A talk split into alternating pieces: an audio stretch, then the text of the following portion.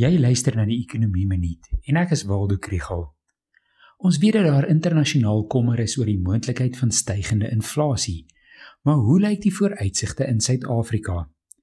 Hierdie week word Maart maand se verbruikersprysinflasie syfer bekend gemaak en die verwagting is dat dit net bo 3% gaan wees.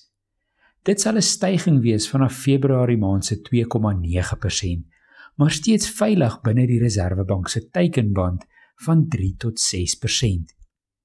Die belangrikste oorsaak vir die hoër inflasiesyfer is die brandstofprys.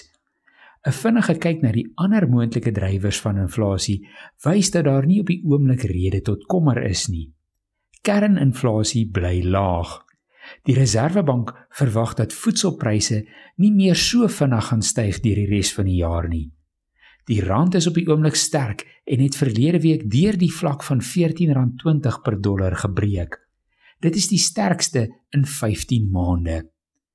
Arbeidskoste per eenheid behoort nie skerp te styg solank as wat dit swaar gaan in die arbeidsmark nie. Die uitsetgaping sal ook eers kleiner word wanneer die ekonomie sterker groei. En inflasieverwagtinge is nog geanker op 4,5%. Die Reserwebank het ook onlangs aangedui dat hulle so lank as moontlik die ekonomie sal ondersteun met lae rentekoerse. Dit is goeie nuus om die week mee te begin.